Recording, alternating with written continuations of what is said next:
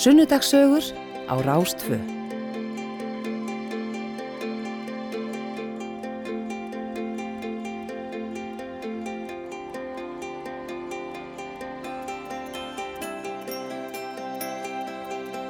Jú, komið þið sæl og verið velkomin í sunnundagsögur hér á Rástvö og eh, hér í upphafi þáttar þá heyrðum við eh, í honum Sverri Bergmann flytja lægið að eilífu. Það er svona viðegandi, vist það er hvíta sunnu dagur í dag en þetta lag er auðvitað úr söngleiknum Hárið þar sem er fagnað lífinu, frelsinu og jafnréttinu og já, þetta er góður svona, já ável við myndi ég segja. En ég heiti Gíja Holmgerstóttir og heils ykkur hérna úr hljóðveri Rúf á Akureyri og eins og er á kvítasunnunni þetta er löng helgi, margir í frí á morgun og það er notalegt að vita að, að það þarf ekki að já, vakna endilega á mánudags morgun, framlengjum þetta aðeins eh, margir, það er nú þetta einhverju sem þurfa að vinna en eh, flestir kannski í frí. En eh, það sem er svona helst, það eru alltaf breytingar á dagskráni svona á tillidögum og það eru engar fréttir núna klukkan uh, tvö eða klukkan þrjú. Næstu fréttir eru sem sagt klukkan fjögur. En hér í sunnundagsögum þá verður þetta nú bara frekar hefðbundin. Þáttur við fáum hérna gest í hljóðverðið okkar og það eru Marja Gunnarsdóttir að þessu sinni eða Mæja eins og hún er gerðunan kölluð. Hún, uh, Marja, hún er tónmentakennari og hún hefur kent tónment með fjöldaskóla hér á Eyjafjörðarsvæðinu en hún og maðurinn hennar þau standa núna á tímamótum þar sem þau eru að flytja aftur á höfuborgarsvæði, þau eru þaðan úr Kópavænum en eru að, að flytja aftur á höfuborgarsvæðið eftir tæp 30 ár hér á Norðurlandinu. Og já, þessi ár þau, semst, 30 ár þau áttu nú bara að vera tvö í upphafi en, en eh, þau svona ílengdust, Þa- þannig er lífið. Maður ílengist stundum á stöðum sem maður ætlaði sér kannski að vera aðeins skemur á En hún, eh, Marja Gunnars, hún Maja kemur hérna til okkar svona um eh, eittleitið og hún ætlar að segja okkur allt um þessi tímamót sem að hún og maðurinn hennar standa á og rifja upp skemmtilega sögur úr sínu lífi. En í setni hluta þáttarins á milli klukkan 2 og 3 þá ætla ég að ringja þeim svona uh, um landið og í tilöfni kvítasunnunar þá ætla ég að byrja á því að slá á þráðin til prests í vestur húnavasíslu, nærri Kvamstanga. Hann er búin að vera ferma í morgun veit ég og hann var líka að styðja són sinn í gerkvöldi þegar hann var að keppa í úrslitum skólarhristi. Ég ætla að heyra svona hljóðið í honum. Síðan ætla ég að ringja á strandir og forvittnast um söðfjö og lokum ætla ég að ringja til Ísafjörðar þar sem verður spjallað um hverstagsleikan en þar á bæ er sem sagt sapn um hverstagsleikan. Það verður forvittilegt að heyra af því. En svona í tilöfni þess að ég ætla að ringja þarna til Ísafjörðar þá er um að gera heyra næst hérna í Múkisson sem er ásamt GTRN með lægið Heim.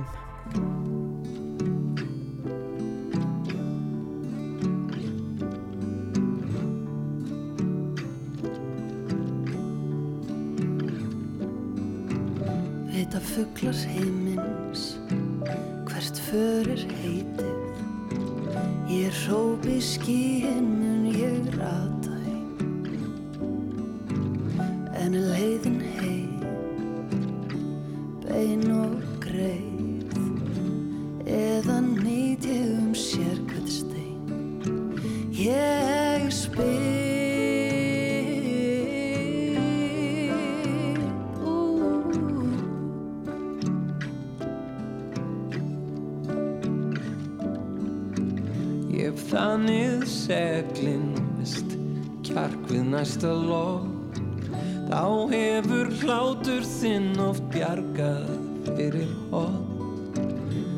Tilviljun örlög, rist í lofa eða stein.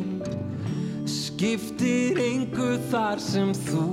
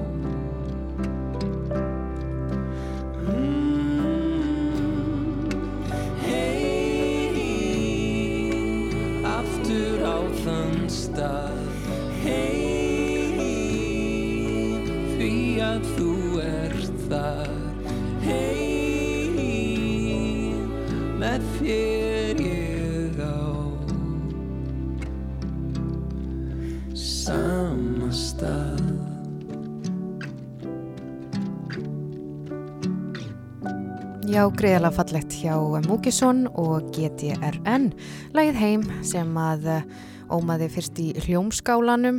Mm, eh, já, þetta er svona algjör fegur í þessu lagi og manni bara líður vel eftir að hlusta á það. En uh, þér er hlusta á sunnundasögurnar og ég ætla svona aðeins að kíkja á veðrið, það er nú það sem maður hefur já, mikinn áhuga á svona, já þetta er nú ferðahelgi og ég býst við að margir séu á, á hérna einhverju randi um landið og þá er ég hérna komin inn á veður.is og hér eru horfurnar fyrir allt landið eh, næsta sólaringin. Það er hæg, söðurlæg átt og víða dálítil rigning framan af degi en síðan söðvestan 5-13 metrar á sekundu og skúrir en léttir til á austanverðu landinu í kvöld. Söðvestan 3-10 og skúra leiðingar á morgun en bjart með köplum austan til. Hiti 7 til 16 stig og það hlýjast á Austurlandi. Og ef maður lítur svona yfir hitatöluna þá enn og hans er hlýtt um landið. Ég stendur 10 eh, gráður í Reykjavík, 8 á Bólungarvík. Það eru 7 gráður hér á uh, Akureyri þar sem að ég er, sangkvæmt viðurstofu Íslands, vefsíðu þeirra. En ég sé hérna að það er svona rigningar skí einmitt og, og þungbúið. Og ef ég líti út um glöggan hér á Akureyri þá sé ég að það er akkurat svolítið veðrið sem að er núna. Veit nú ekki alveg hvort það sé mikið rigninga það er allavega ansið þung skíjað og svo fyrir austan er þetta heitast en, en það er að koma, er þetta ekki gott fyrir gróðurinn? Það er það sem maður segir alltaf þegar það er svona rigningaveður. En uh, við skulum heyra næst í Young American, Durand Johnson The Indication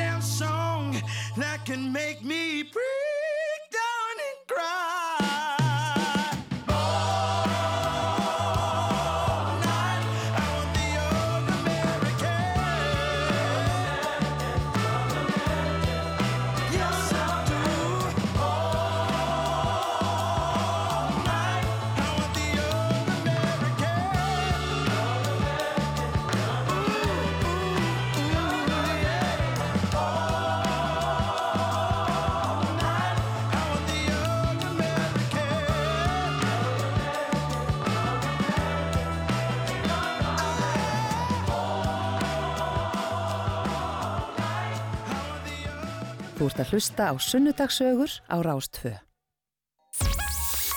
Rástfö Fyrst og fremst. Já, við höldum hérna áfram og hún eh, Marja Gunnarsdóttir er verður viðmælandi minn hér í sunnundagsögum á Rástfö Hún sest hérna niður bara eftir eh, þetta lag Lay Down með Emilínu Torrini.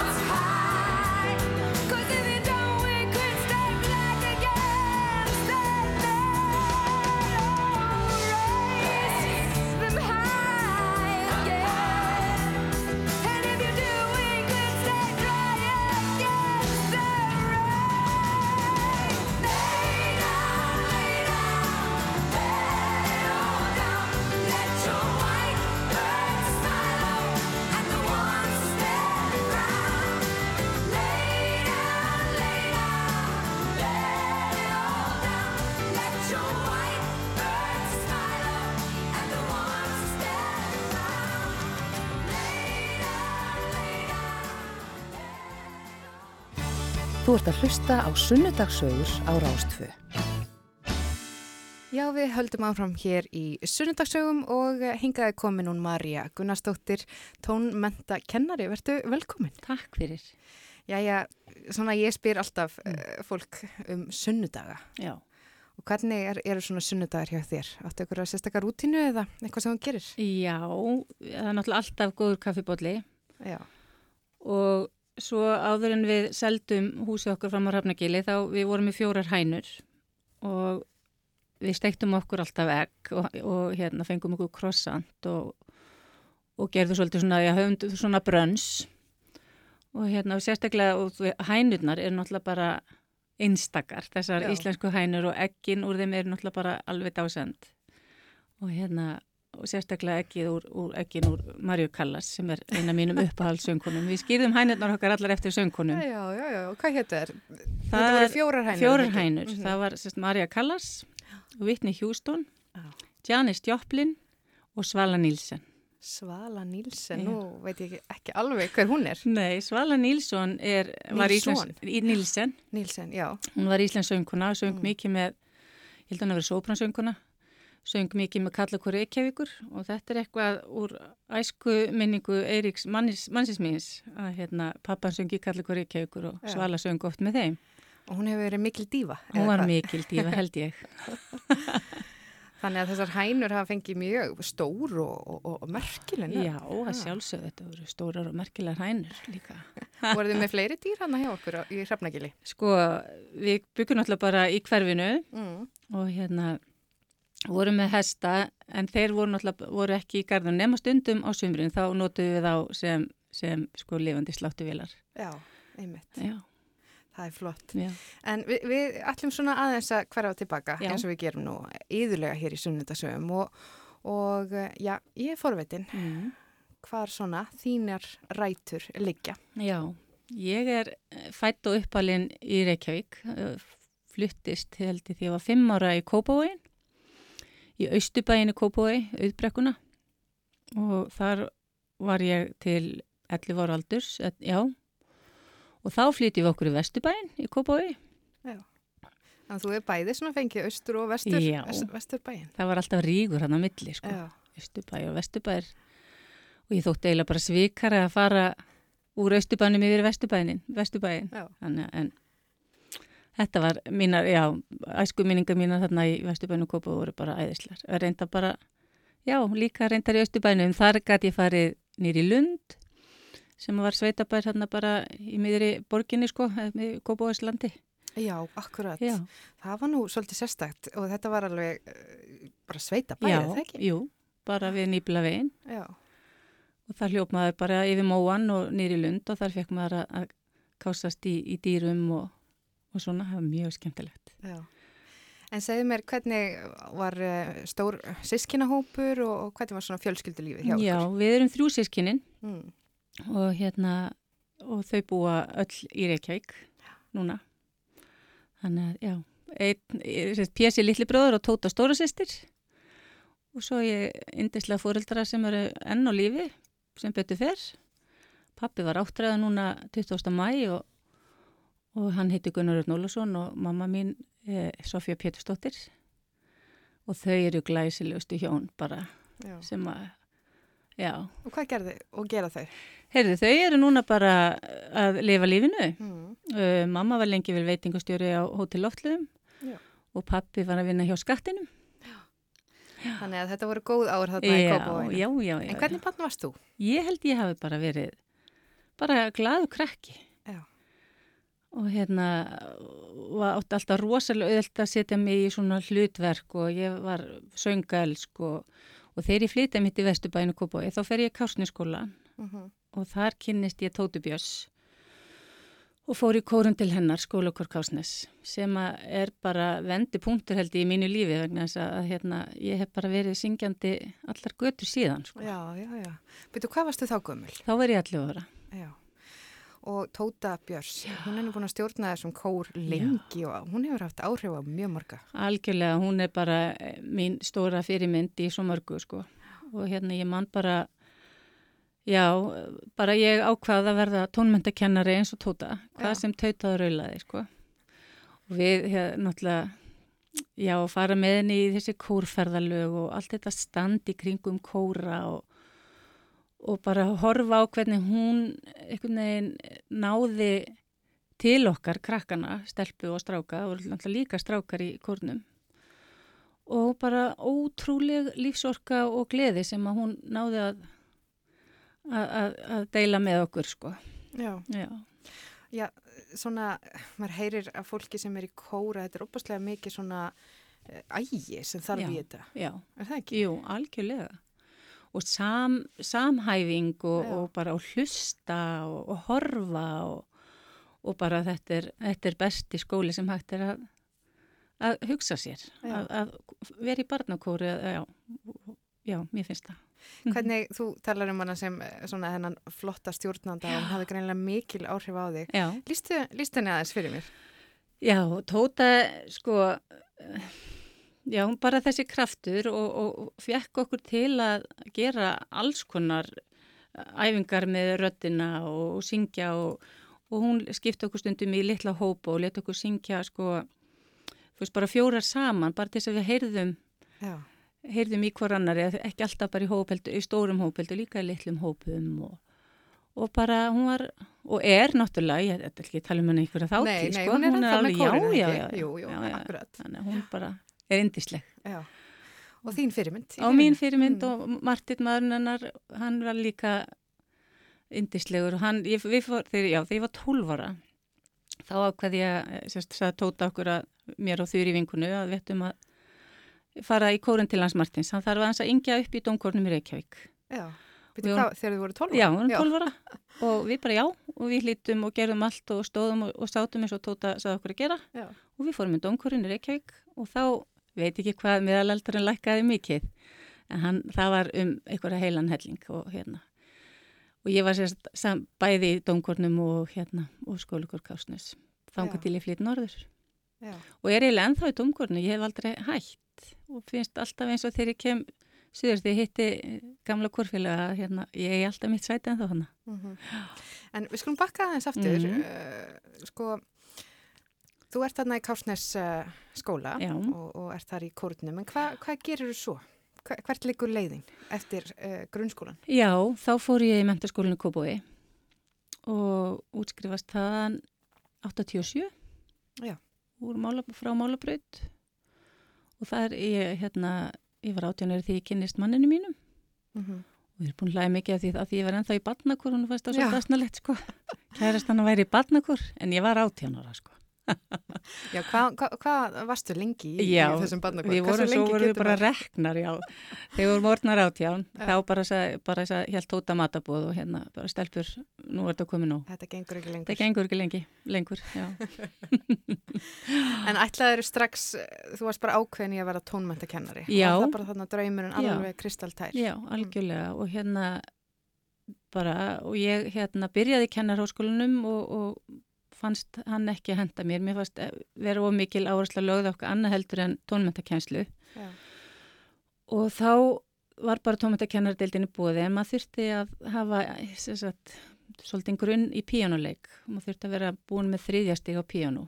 Og hérna, ég var ekkert með það, ég kunni ekkert á píjónu en var búin að syngja frá því ég var bara krakki og Og þau komu mér í gegnum þetta, gegnum þetta, og kendu mér bara, þú æfðir bara þetta lag á piano og svo kemur þau í inntökuprófið og þú bara brosir og, og, og lætir bara geislaðir og bara heillar, heillar nefndina þannig að þú komist inn og, og maður þarf ekkit bara að kunna piano til þess að vera tómatakennari, Nei.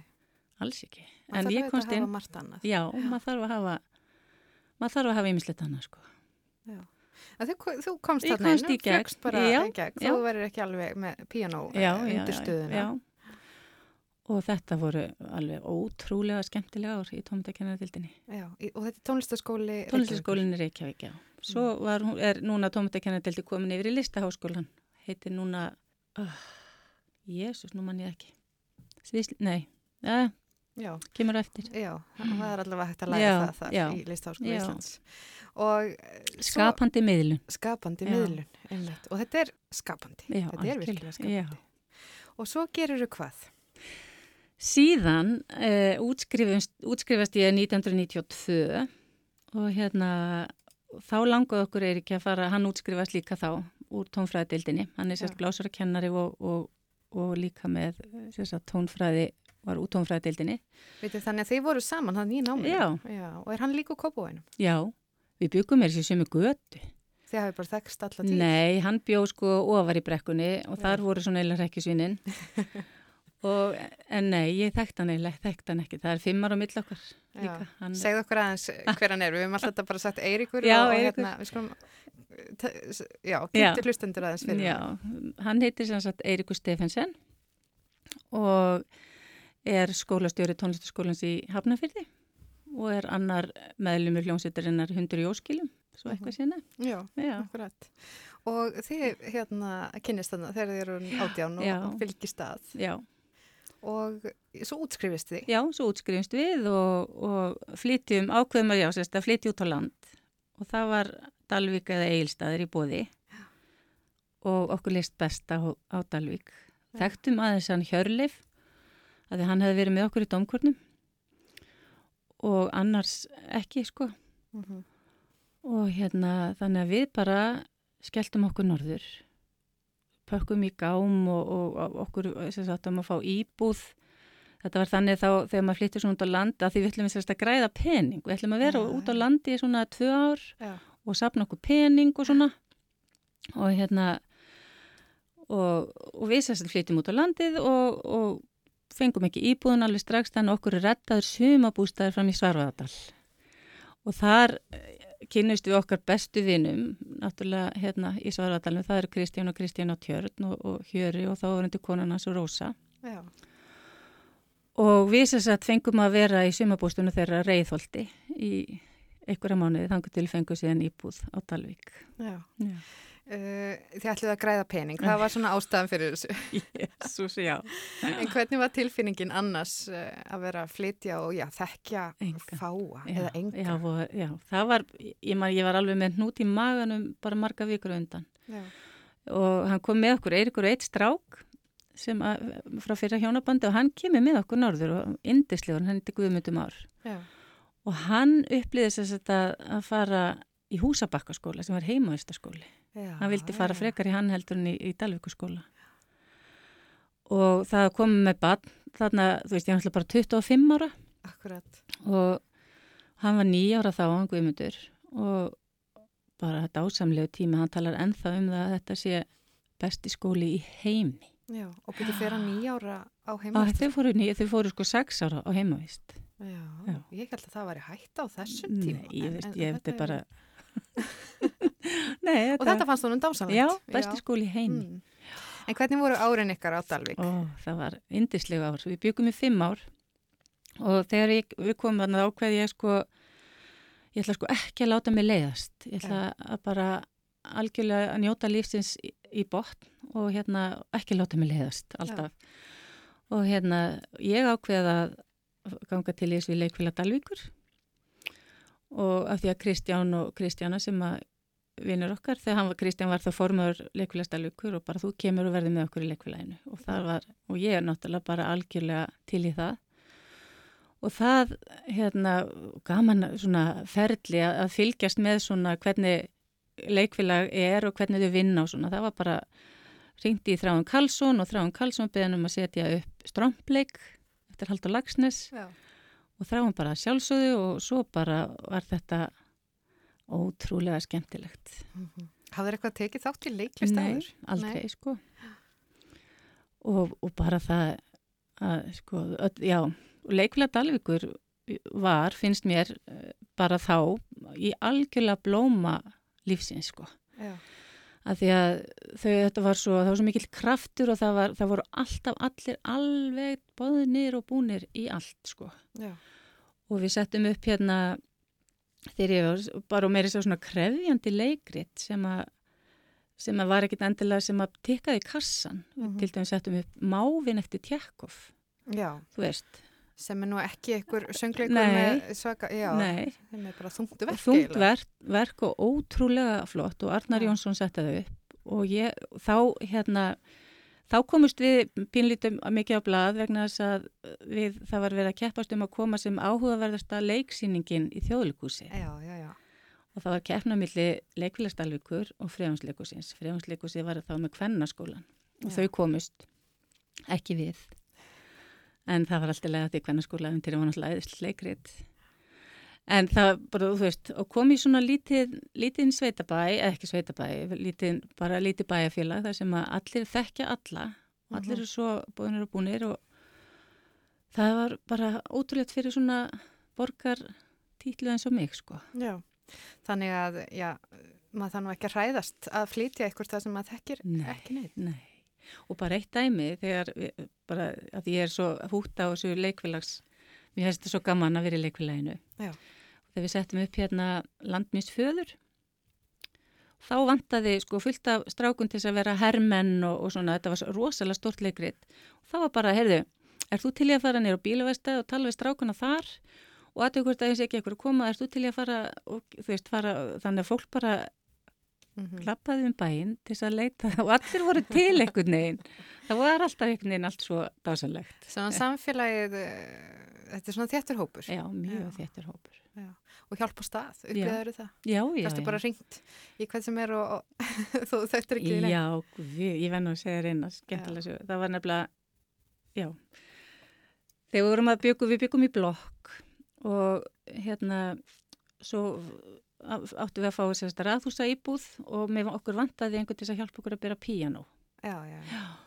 píanóð okkar og hérna ekkert mál og ég var komin hérna með, eða við vorum komið einhverja þrjá og vantaði fjórðamann og ég segi, ég ringi bara ég ringi bara í Jóhannar Ellu, Ellu Massa og hann er alltaf svo, hann er örgla til í þetta hann er alltaf svo ræðs og og bara, já, já, Já, og og ég, þetta var svona vinafólki ykkar. já, nei, nei, þetta var bara fólk í leikvileginu Já, já, já. og ekkert svona, bara, já hann hafði bara verið að vinna með okkur og, og konuna sem var hálgríslu kona í, í leikuleginu og hérna og ég bara flett upp í símaskráni það þá er ekki svona GSM sko. Nei, nei. þeir bara í símaskrána bara Jóhann, já, ég held að hann bjökja búið á svarfaðabrautið eitthvað.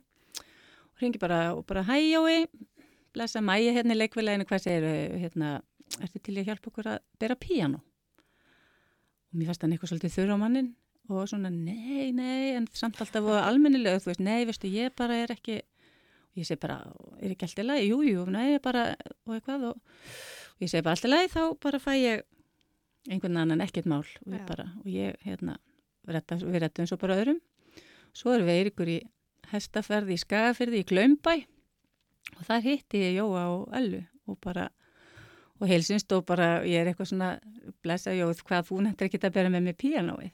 Og hann alveg hvað mennaru þeir ringdi þarna um daginn og alltaf byrja hjálpa mér að bera píanóið. Og hann bara þú ringdir aldrei í mig Jésús, þá ringdi ég annan Jóa Já. sem að vissi reyndar alveg hver ég var, ég vissi ekkit almennilega hver hann, þá var hann nýkomin úr af spítala og, og var bara mjög veikur og, og ég skildi og þess vegna var hann ekkit svona til í að bera með mig píanóið, en ef hann hefði verið þess að hann pottitt komið. ég Hann hefði bóttið komið. já. Það hefði nú verið svolítið eh, skondið ef, Yes. bara einhver, einhver, Jói hefði Já, byrst. bara e- ekki máli, ég kom til að bera þetta píanó. Ah, svona er þetta. Svona er þetta. Já. En, já, grei Jói þessi var ekki hennar ellu og, og hann var nýbúin í. Einhverja aðgerð, já, já, þetta er svona. en já, þú ert þarna, þegar þið fimm ár, sko, mér langar svo staðsetja okkur í tíma núna. Já, já. hvaða, hvaða ári er áttu þegar þið flytið? 90 Já, 92 fyrir til Já. Dalvíkur og 97 flytjum við til Akureyrar og þar eru við í Mhm. tvö ár og, og hérna þá kenni ég tvo vetur, þrjá vetur í hérna Lundarskóla. Já. Eiríkur er þá orðin skólistjóri tónlæsaskóla Eyjafjörðar og hérna síðan losnar hérna staða á Hrafnagili og við flytjum fram á Hrafnagil. Já, og losna staða fyrir Losnar- ykkur bæði. Já, eða Eiríkur náttúrulega var tónlistaskóla Já. Eyjafjörðar er þar sko með, Mhm. með svona aðalaðsettur þó að hann náði til Grenivíkur og Þelamörku líka Já. og þar prófa ég að verða því það var alveg dásamlega tónmyndakennari þar á undan mér. Og, og þannig að ég bara ok, það, ég, það er ekkert alltaf hægt að fá allt sem maður vill í lífinu en ég var hérna, var umsjónakennari í þrjú ár. Og hérna síðan vildi svo bara, já, síðan deyr hann Garðar Karlsson langt fyrir aldur fram og ég saknast mjög mikið og hann var mikill tónlistamæður og mikill bara hann var dásamlegur og, og gerði svo margt skemmtilegt já, ég hugsa oft til hans en hann sérst deyr og ég ákveða að taka við tónmyndakennara stöðinni Já. hans Og þá ertu búin að vera tónmættakennari öll þessi ár sem Mhm. þú hérna, fluttir og þið Já, norður já. á Dalvík og, mm og hefur nú kynst, já, fær maður ekki svona, já, góða uh, kynningu á samfélaginu Já. í gegnum að vera að starfa í grunnskólu. jú, alveg svakalega og líka ef maður er með kór að ég var með, var stopnaði barnakór fram á Hrafnagili og líka það, að, þú veist, þar að hafa fóreldra í fóreldrafélagi að hjálpa manni með kórin og, og bara alltaf allir bóðnir og búnir að vera hjálpa, þú veist, að samgleðast með börnunum sínum í söng og gleði, sko. Já. Já. Það er skemmtilegt. já. Við sitjum hérna í sunnundagsögum og hjá mér er hún Marja Gunnarsdóttir. Hún er tónmættakennari og við ætlum að fá hér stuttarauðlýsingar og smá tónlist og svo verðum við hérna eftir eh,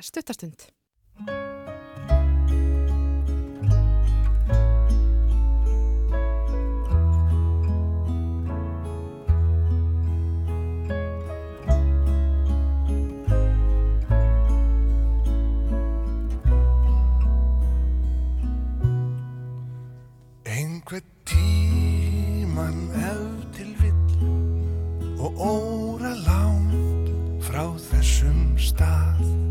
Mun ástinn hörfa heim til þín og hjartan styrum knýja að.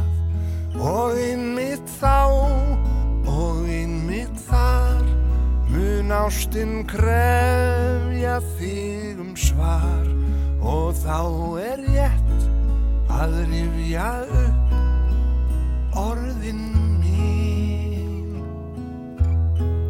Þau eru styrð, þau eru fá, þau sjálfsagt aldrei flugin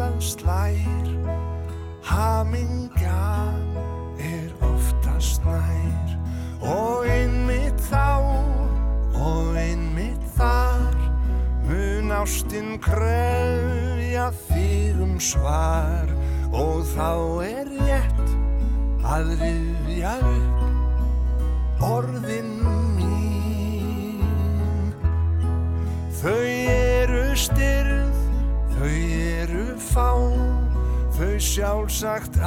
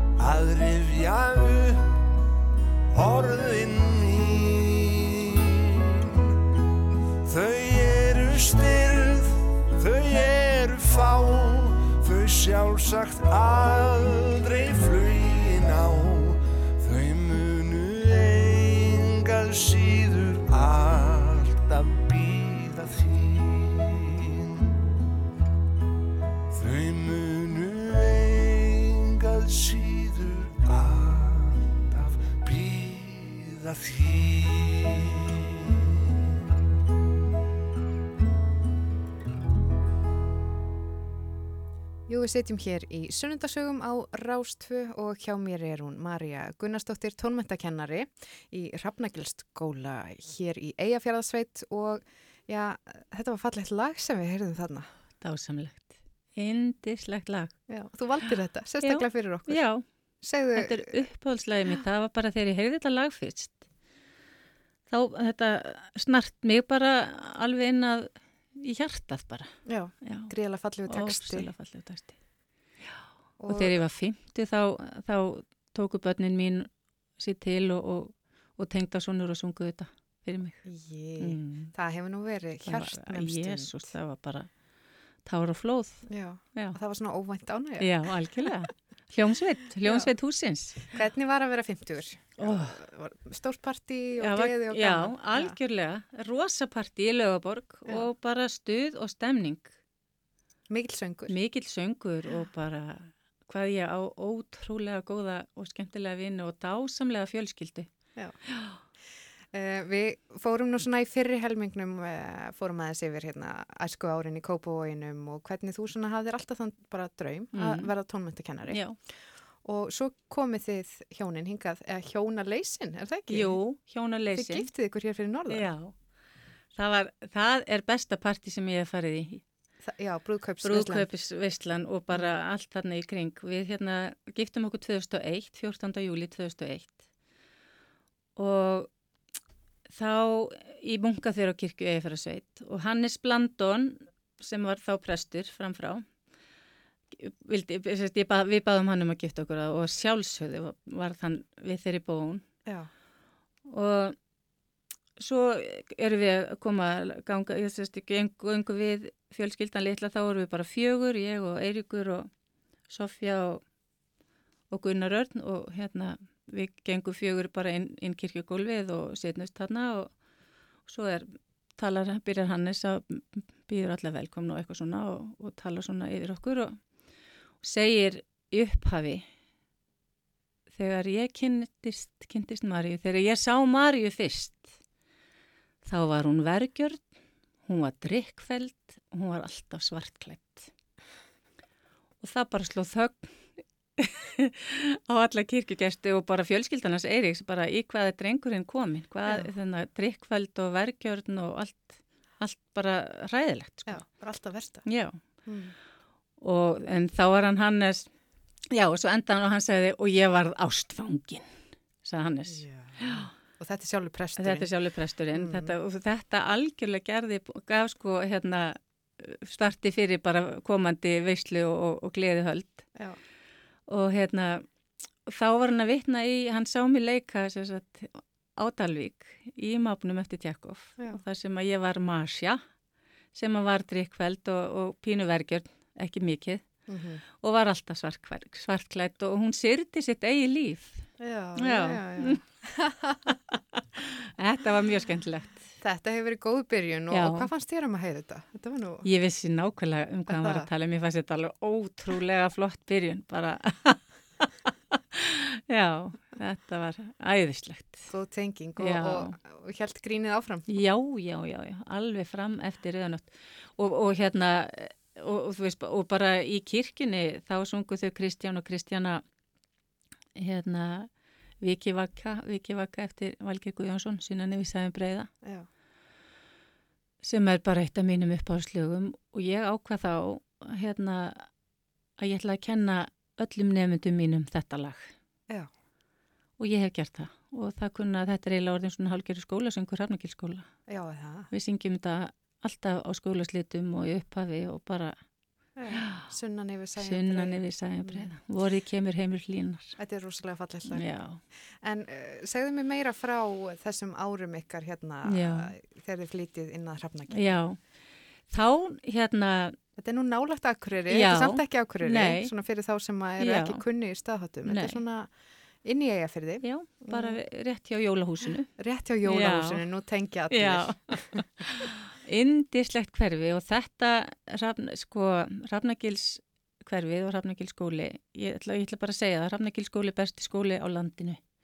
Og ég segi það ekki bara því ég er að kenna það, ég bara veit það, af því að þarna er alveg ótrúlega gott og faglegt starf og þarna fekk ég algjörlega að njóta mín og, og njóta minnar kunnóttu sem tómyndakennari og það var alltaf, sko, stjórnöndur skólans eru bara já, þeim, þau bara vildu hafa, hafa, hafa hérna, tónlist og, og, og, og gera listaverkrinum bara svolítið vel undir, undir höfði og Já. bara ég fekk allt sem ég vildi og, og indislegt sko. Og byrjaður strax sem tómyndakennari þar? eða? Nei, eins og ég sagði þá var hérna Garðar Karlsson var undan mér Já, já. já, og svo lést hann og þá, hérna, þá var ég í fæðingarólafi Ólafi, já, sem sagt þrjú börn og eitt stjúbarn og hérna, ég var ólétt af yngsta barninu mínu og þá fór ég í fæðingarólafi í eitt ár og þá kom kona sem að heiti Svanfríður sem að leisti sem að var þá tómyndakennari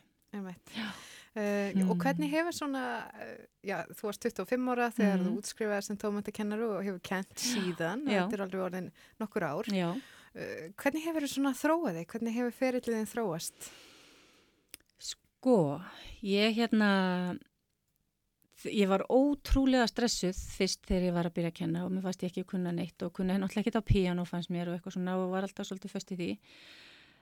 En svo einhvern veginn, þú veist, finnum maður sinn styrk og minn styrkur er, er hérna að syngja og fá krakkan til að koma og syngja með mér og við erum að spila á hljóðfæri, skóla hljóðfæri og, og ég er að kenna þeim alls konar dansa og og alls konar heimstónlist og klassiska tónlist og rock og, og punk og allt þetta, það er bara flóruna sem að hérna og maður, þú veist, maður þróar sig einhvern veginn bara maður finnur sinn styrkleika og, og hefur sína rútínu og hérna, ég byrja alltaf alla kænslustund á að syngja. Svo kannski fyrir við eitthvað skapandi vinnu og svo endur við á að syngja. Já. og mér finnst það svolítið gott. En uh, svona, ég man bara úr minni skólagöngu og það voru margir sem voru bara pínur hrættir við söng, pínur hrættir við þessa kannski listrænu tjáningu Já. eða, eða svona hvernig, hvernig nálgast maður þá Já. þessa ólíku karaktera sem eru í grunnskólum Já. og, bekkjum.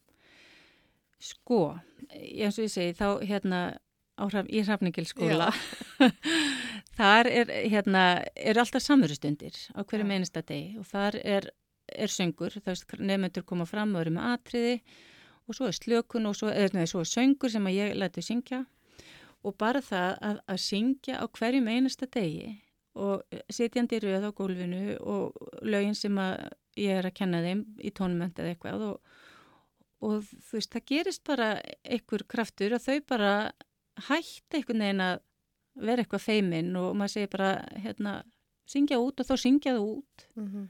Syngið veikt og þá syngið veikt og það er bara ég veit ekki, þetta er bara ég veit ekki, þetta er bara svona. Já, já, bara, ven, bara venjast þessu og gera þetta að Þetta gera er þetta já. og það að hafa í alveg talað tónmyndakennar, það er veistu, ég er eini tónmyndakennarin hérna að við erum tvær í, í sérst, hérna, nei þrjár á, á EFR-sveðinu Já, já, þarftu þá að tala um sko alveg, það er sérst að Rafnagil, Akureyri og Greinvík og Dalvík já þeir eru bara þrjár, Já. þetta er nú stórt svæði Já, og þú er svona að í að því að það mættu þetta vera fleiri. það þarf að vera tónmyndakensla í hverjum Mm. einasta grunnskóla og mér finnst að hérna Uh, mér finnst skólar ekki auglýsa þetta nóg og mér finnst hérna, ekki vera gert nógu hérna gott, hvað er að segja, reyna að hvetja unga kennara til þess að koma út á land og kenna tónmynd.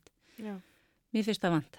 Mhm. Þú veist, það bara, hérna, já, veist, ég, já, Já, svona allavega eins og þú, Já. þetta er ekkert mála að, að, rífa sig af stað Nei. aðeins þó að ræturna líka ekki alveg einmitt. hér, Nei. hér átt þú enga rætur Nei, til dæmis eh, rætur. fyrir norðan. Mm. En á samt, sko, svo þegar maður kemur flýtur svona út á land, þá skapa maður sína, sína fjölskyldu og eignast góða vini Já. sem að eru bara fjölskyldan manns. Já. En uh, sko, þú varst mikið í hérna leikfélaginu Já, á Dalvík Já, uh, og helstu því áfram Já. eftir að þú fluttir? sko, já, þá fór ég í fremhansleikusið. Þegar ég flytt, fly, þegar við flyttum hinga til Akureyrar og Freyjónsleikus er líka alveg frábært leikfélag og það var hérna við settum upp já ég man ekki hvað ég var hvað ég, ég, sest, hvað ég var, tók þátt í mörgum leikrutum þar en öll voru þau ótrúlega skemmtilega og ég man eftir einu sérstaklega þá eh, heiti, það heiti Vilda Vestrið og eftir Ingeborg og Hjartadóttur Já. og það var 98 og þá var ég alveg alveg bambólétt af, af Sofju stelpunni minni, miðju stelpunni og hérna hún, hún fæðist 7. ágúst og við verum að, að sína þess að um veturinn eftir jól og hérna fram í apríl-mæ eða fram í apríl og svo náttúrulega er pása nema hvað að Freyjónsleikur var beðum að vera með atriði á landsmóti hestamanna sem var haldið á já. og verið með atrið úr leikritinu Vilda Vestrið. Já, það hendar. Það hendar Algjörlega, já. Og ég hafði þá sérst, í leikritinu verið sérst, söngkona í hljómsveitinni sem var að spila á sveitabölunum. Já. Og ég, hérna, bara já, auðvitað, ég slæði til og hvað, ég menna, maður sleppur nú ekki góðu giggi, sko, þó maður sé komin alveg á steipin. Nefn að það var þannig að ég átti að vera í hestakerru. Og Sveitni Kálskinni var með hestakerru. Og, og hérna, og hann segir, blestu mæmi minn, þetta er allt í lægi, sko. Ég hef oft, konan hans er sko ljósmöður og hérna, ég kann alveg tökin og verður alveg róleg og ég, þú veist, ég passa þig og þetta og svo erum við hérna ámelgerismilum og, og, og í hestarnu þurft að, já, við þurftum að býða svo litið vegna þess að dagskráin lengdist aðeins Já, já. Ég sitt hann í kerjunni og með hljóni mann og, og svo átt að hérna Jésus, því ég hugsa tilbaka Við áttur að vera á ferð Já. Svo bara að, er ég hérna í hestakernu og svo bara rík og svo bara núna og hérna sveitn ríkur á stað og ég aftan í hestakernu og átt að byrja að syngja Kondu vinur á melgerðis mela og ég hef aldrei á æfi minni sungið eins ítla held ég og ég held ég hafi öskrað þetta þarna í hérna hljónum að guð minn góður og svo bara hérna og ég, ég held ég, við fórum held ég tvo eða þrjá ringi á sko reyðill skeiðvillin Já, já, já, já. Og þú karsólétt. Kas ólétt en það átti ég bara nokkru dögum síðan Já, er það? Já, Hann hefur kannski vita sínu viti, er í kálskinni og Já, þetta hefur bara komið öll stað. já. En uh, þú ert svona æfintýra gjört. Já, og mér fannst þetta ekkert mál, en ég hugsaði, þú veist, ég myndi aldrei gera þetta í dag. já, maður er einhvern veginn svo, já, þetta er svona. En uh, og var þetta síðasta æfintýrið þitt svona í, í, í fræfangsleikursinu? Nei, nei, nei, nei, Nei. nei við, Þannig var þetta rétt að byrja kannski? já, þannig laga, sko, við, já, ég, síðasta leikriti sem ég leik, ég var uh, dýrin í hálsaskói, 2010. Já, já. Og hvað leikstu þá? Já, þá leik ég bánsa mömmu. Já. Já. Og það hefur nú verið svolítið gott uh, hlutverk. Það var indislegt, ótrúlega skemmtilegt. Minni minni nú að bánksamamma sé með stórt hjarta og stóran faðm, er það ekki? Stórt hjarta og stóran faðm, já. Já. já. Það er kannski svona, já, er svolítið þú? Já, hvað? það er algjörlega, ég held það. Ég ætla að hérna, hænast börn að mér sem að Mm. mér finnst bara ótrúlega skemmtilegt og það var til dæmis í hérna var ringt á dýrabjöllun hjá okkur ekkert fyrir nokkrum árum og, og ég fer til þetta bara um kvöldmandaleitið og Já. þá er hérna bara þrýr krakkar einn í fyrsta bekk og tveir í þriða bekk og horfðu svona upp til mér og spurðu Maja, getur þú leikið? Já, já, já. og mjög, þetta, er, þetta er sko besta besta komment fyrir kennara að fá þegar einhverju nefndur koma að spyrja hvort maður getur koma út í leiki Þá hlýtur maður nú að vera alveg pínu skemmtilegur. Já. Ha. Ég held það Og ég sagði fórstu? nei, ég, fórstu? ég bara var akkurat í miðri fiskibólugerð Já, og hérna en ég sagðist alltaf leika við daginn eftir því þá var það að koma í tónmönd já. Um, sko, við rættum aðeins saman í síma Mm. áður nú komst og þá saður mér frá einni áráttu sem að þú hefur sem að, já, er bara einn skemmtilegasta áráttu sem ég hef heyrt af. já, Hvað upplýstu okkur nú um það? mín árátt er svo að ég nýt þess að taka barnatennur Já. úr börnum Heyrðu, það er bara, þetta er, þetta er ótrúlega, þetta byrjaði sérst fyrir 20 árum eiginlega, já, þegar við bara flytjum fram á Hrafnagil og þá var það ein stelpa í bekknum að skunna sem var með svo laflösa tönn var, og hérna, og ég sagði ekki bara taka hana, hún bara, jú, Mm. og ég bara náði pappir og tók hana og síðan hefur þetta bara þróast og ég teki tennur og sko haustin er gósentíð og vitið það, þetta er, ég fæ eitthvað kikk út úr þessu. Og já, það er nú, og svo fá þau alls svona lítil box hérna, já. þetta er eitthvað svona, já, ég er búin að veist að- já, já, já, já, já. og stundum hefur komið ein, ein lítil tímin eða já, hefur komið ein lítil tímin með frængu sína þetta bara sumri til og bara bankaði og spyrja hvort ég geti tekið tönnina úr henni ínu, frængu sinni og ég held það nú, ég tók tönnina Þetta er bara orðið þjónusta, já. bara business nánast. svo einu sinni tók ég tvær Í tværi einu? já, og það var eiginlega alveg óvart ég held að mér hafa bröðið meira heldur en barninu sko.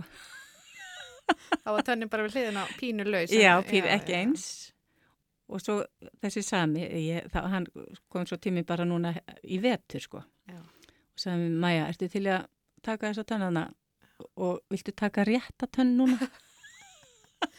En hérna, sko, það hljómar eins og þú hefði bara tekið tennundur á hálfu bæjarfélaginu þarna. það mætti, já, heyrðu það er nefnilega þessar samverustundir sem eru í Hrafnagilskóla eru Já. svo skemmtilegar svo var þeim daginn að, að það er svona, svona sameilir samverustund og þá er fyrsti bekkur og tíundu bekkur með atriði og þá voru að spila saman á blokkflutu sem að, hérna, blokklingana Já, já, blokklingar. já, du, du, du, du. já. og hérna og svo þegar það búið og þau sungu líka og, ótrúlega skemmtilegt og svo ákveði ég að hérna snýri mér að þeim og öllum krökkunum í skólunum og segi mér langar að því ég er nú að hætta mér langar að byggja ykkur um að rétt upp hönd þeir nefndir sem ég hef tekið tennur úr og ég held að það hafi verið 99% allar nefndar, náttúrulega einhverju nefndir sem hafa komið setna já. og einn starfsmæður Og starfsmæður. Hvernig, hvernig, Ah. hvernig var það? Heyrðu, það var bara, hann er svo ungur og er, er að kenna, er, sagt, er með frístund og er skólaliði. Já, já, já, Og þannig að hérna- hann var barn einu Hann sinni var einu þarna, sinni já. barn í Hrafningilskóla. Þetta var, Þetta er góður árangur, myndi já, ég segja. mér finnst það. Ég hefði kannski að, nei, ég hefði ekki dótt að vera tannlagnir. Nei. það er bara, En þú ert að flytja núna, þú sagðir já. að þú ert að flytja, Já. þið fjölskyldan. Mm. Hvernig tilfinning er það eftir, eftir þessi ár Já. að vera núna aftur að snúa tilbaka? Og tímamótum. Á Það eru tímamót. Þið ætluðu að vera tvö ár. Já, ætlum að vera tvö ár en það eru komið 28. Mm Já.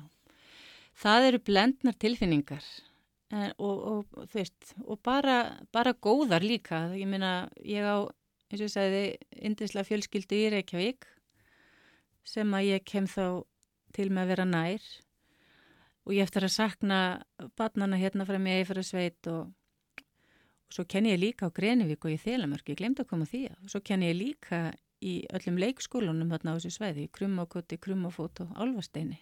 Já, þetta er svona mikið. Já, tónlistaskóli Eyjafjörðar nær þarna í þessi, er með þessi þrjú, þrjú, að því ég kenni líka við tónlistaskóli Eyjafjörðar. Já, já, já. Plús það að vera tómöndakennari, Já. einmitt. Já. Já, Þannig að það er bara sífæld tómöndakensla hjá já, þess. ég er alltaf syngjandi. Ertu svona pínu orðin eins og átrúnaðgóðið þitt, Tóta, Heyrðu, sko, sem að er kórstjóri Já. Kársnesskóla? skólukur Kásnes. Mm. Nei, ég veit það nú ekki, ég, það ég kemst náttúrulega ekki með tætnar þessum tóta yfir hælana, en það sem mér er ótrúlega skemmtilegt að segja frá er að, að Hrafnugilskóli fær tónmyndakennara. Og það er nefndi sem var hjá mér í, í tónmynd þegar hún var, hún var í Hrafnugili. Já, já. Þannig að ég- hún heitir Silja Garðarsdóttir og er að, koma, er að taka við að mér. Ég er ótrúlega stolt og ánægð. Þannig að það má segja að þú hafir einhvern veginn lokað ringnum. Já. Þetta er bara nákvæmlega eins og hjá þér. Já, Þú inspírirast og, og, og svo gengur þetta áfram. Mm. ég vona það. Já. Mm. En hvað, hvernig sérðu, hvað er svona framundan hjá ykkur? Það, við keiptum okkur lítið sætt hús í Hafnafyrði Já. og erum bara að klára að gera og græja það og við ætluðum að, að fara, fara til Suður Ameríku í sumar við ykkur ætluðum að fara í einhverja fjóra, fjórar vikur og, og skoða Suður Ameríku en við ætlum ekki að gera það Nei. þannig við ætlum að ferðast innanlands og innan hús og þrýfa og, og, og gera og græja og, og svona Já. Er komin eitthvað ferðaplön? Nei, okkur, já, reyndar við höfum talað um okkur langar að fara í Þórsmörk og landmannalögur og svo bara keira norður og hitta vinnina líka fyrir norðan. Já. Já, það er svona kannski y- ykkar áskorun að rækta, Já, rækta rætuðnar hingað. að ég veit alveg að leiðin, leiðin sko norður er oft lengri heldur leiðin suður Já. og ég vil ekki hafa það þannig. Takk fyrir að koma til okkar í sunnudagssögur, Marja. Gunnarsdóttir, tónmyndakennari í Hrafnagilskóla og verðandi tónmyndakennari hvar. Í Setbergskóla Í. Já, Þannig að krakkar í Setberskóla þau geti farið að býða spennt eftir að láta rífur ykkur Já. tennunar. Takk fyrir komuna. takk.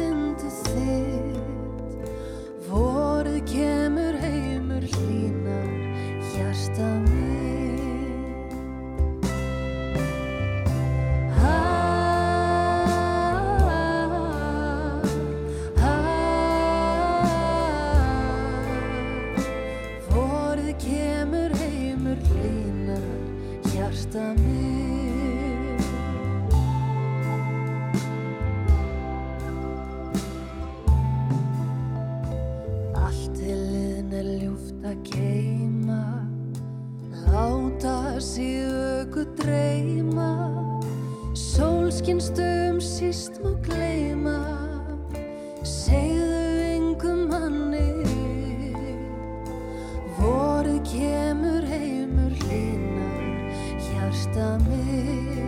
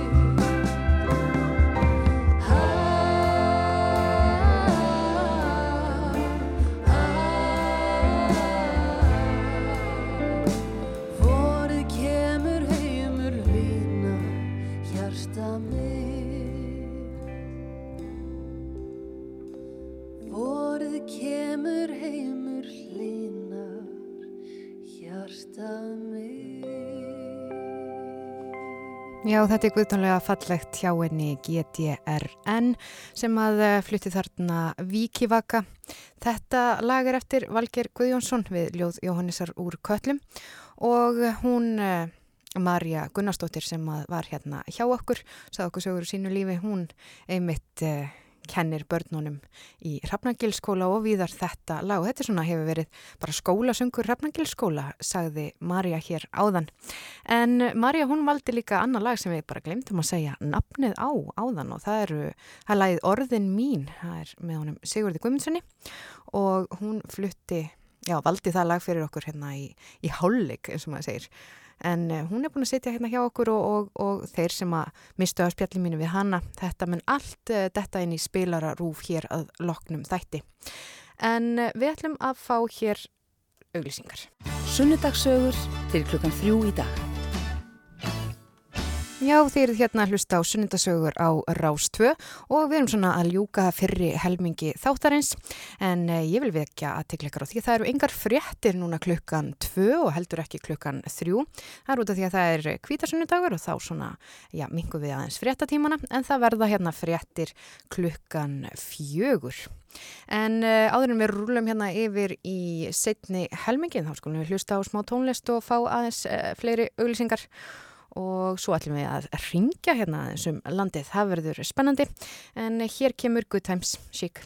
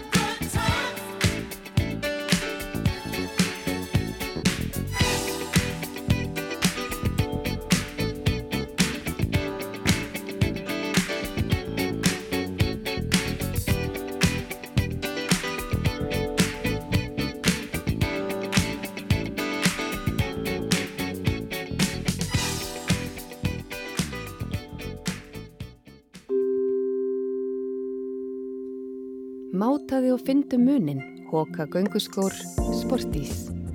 Heitustu pizzurnar, ölverk hveragerði. Íslenskir ísmólar, ísmaðurinn. Ísúr vél, dalakofin. Veljum íslenska framleyslu og verjum störfun okkar. Mundu eftir þínum bakara, landsamband bakaramistara. Stuðningur við sumabúðunar í Reykjadal, haptrættismiðin er komin inn á heimabankan þinn, styrtarfélag, lamara og fallara. Nýgrillaður ísfuglskjúklingur og makkein franskar, melabúðin. Tróðfull verslun af merkjavörum 40-50% afsláttur af öllum vörum, herralagarinn bláu húsanum faksafenni. Heitir pottar, trefjar.is. Kryddjurtir, matjurtir og sumarblóm, garðheimar. Fossar, raun, fjöll, hverir, visitmývatn.is. Útipottar, bíflugan og blómið, akureyri. Grillkjötborðið býður þín, melabúðin. Gísli og uppsölum, sömarsýningar Haukadal dýrafyrði, komedíuleikúsið, tix.is. Svartfuglsegg, depla, kólaportinu. Í leiðinni, landnámsetri Borgarnesi.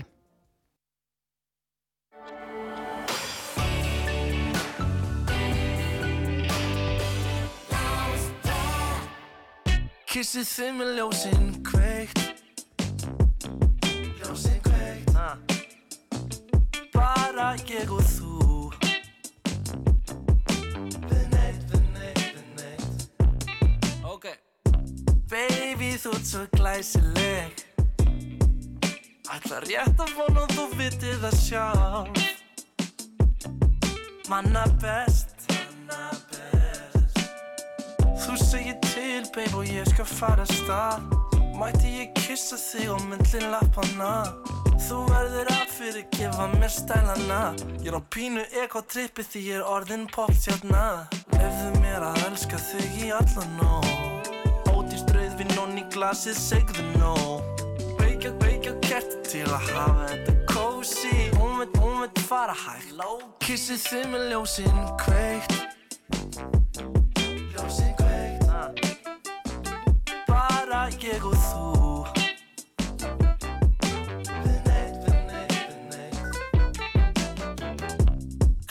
Klættu þig úr peysunni Í nótt þá vil ég bara vera þinn Elskan mín uh. Kottu nær, tökum þau tvö, þrjú spór Griftu mig, taktu mig, babe, hvað svo? Hálsinn þinn, fegur þinn, babe, þú svo Lætu mig langa svo Að kissa þig með ljósinn kveikt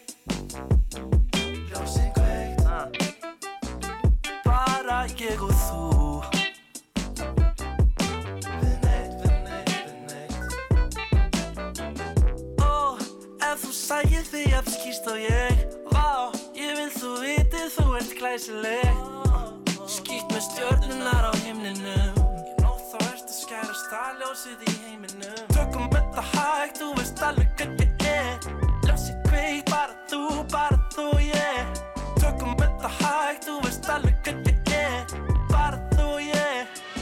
Kissið þið með ljósinn kveikt Ljósinn kveikt Bara ég og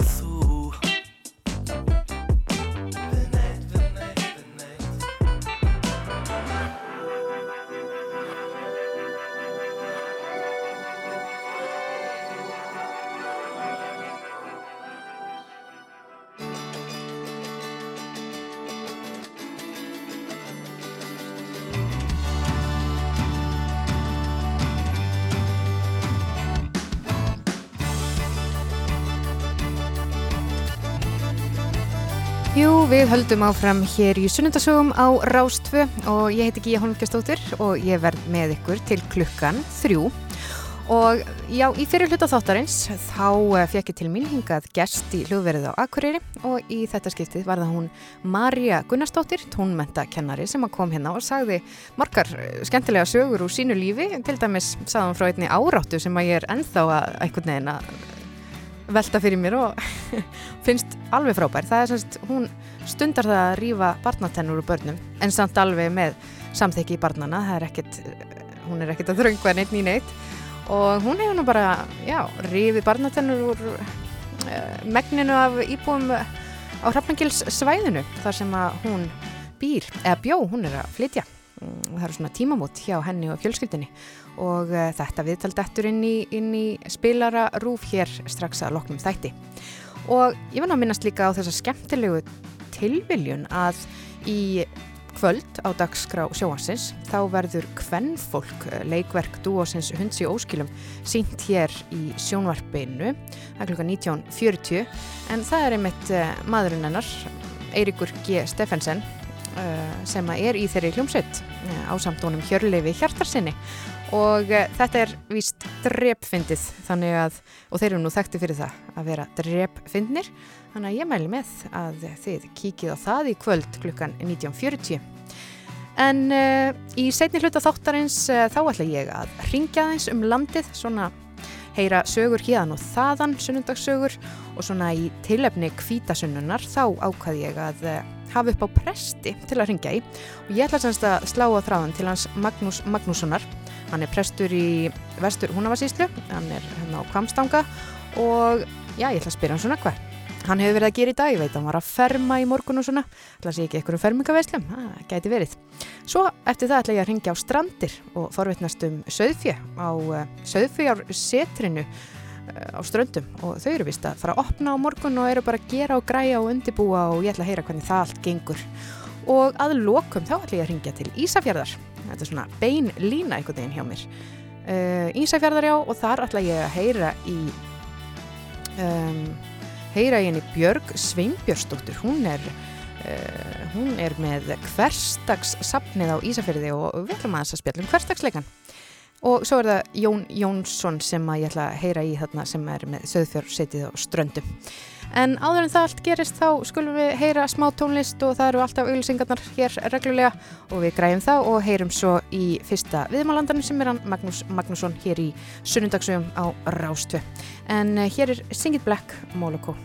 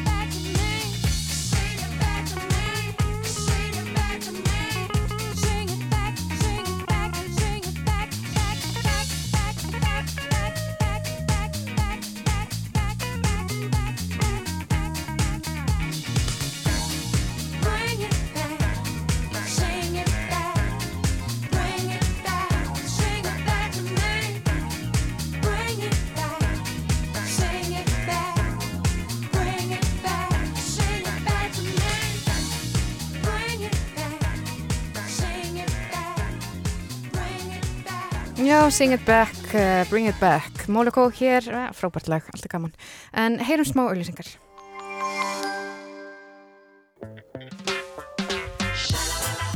Ef þú ert á leið í framkvæmdir þá er ekki vittlust að skoða úrvalið í nýja Bíkó-blaðinu á bíkó.is.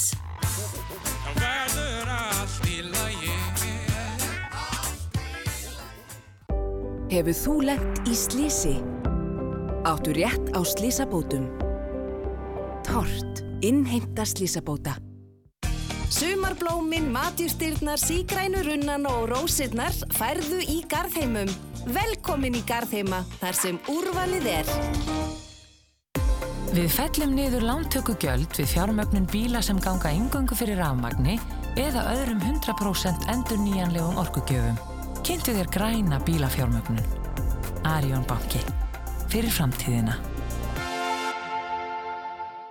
Þú færð allt fyrir sundið í útilíf. Úrvalið er í útilíf og á útilíf.is. Mótaðu þína framtíð. Háskóla gátt er hagkvæmur og skinsamur undibúningur sem opnar þeim sem eru án stúdentsprófs leið til háskólanáms. Háskóla gátt háskólans á Bifröst. Fyrir þá sem ætla lengra. Háskólin á Bifröst. Í fararbrotti í fjarnámi. Opið í dag, hvítasunnudag í Skútuvogi og Hafnarfyrði. Húsasmíðan og blómaval fyrir þig. Láttu okkur aðstóða. Elko býður upp á margvíslega heimsendingamáta. Það er auðvelt að versla heima á elko.is. Elko. Sunnudagssögur til klukkan þrjú í dag. Já, ég er hérna í sunnundagsögum og uh, við erum búin að, ég ætla að ringja hérna aðeins og uh, já, það verður söðfjársetjur á ströndum sem að verður fyrsti viðmálandin það er svona aðeins breyting en uh, við ætlum að heyra hérna eitt lag, Connected Stereo sem að við heyrum áður en við áður en við heyrum í söðfjársetjunu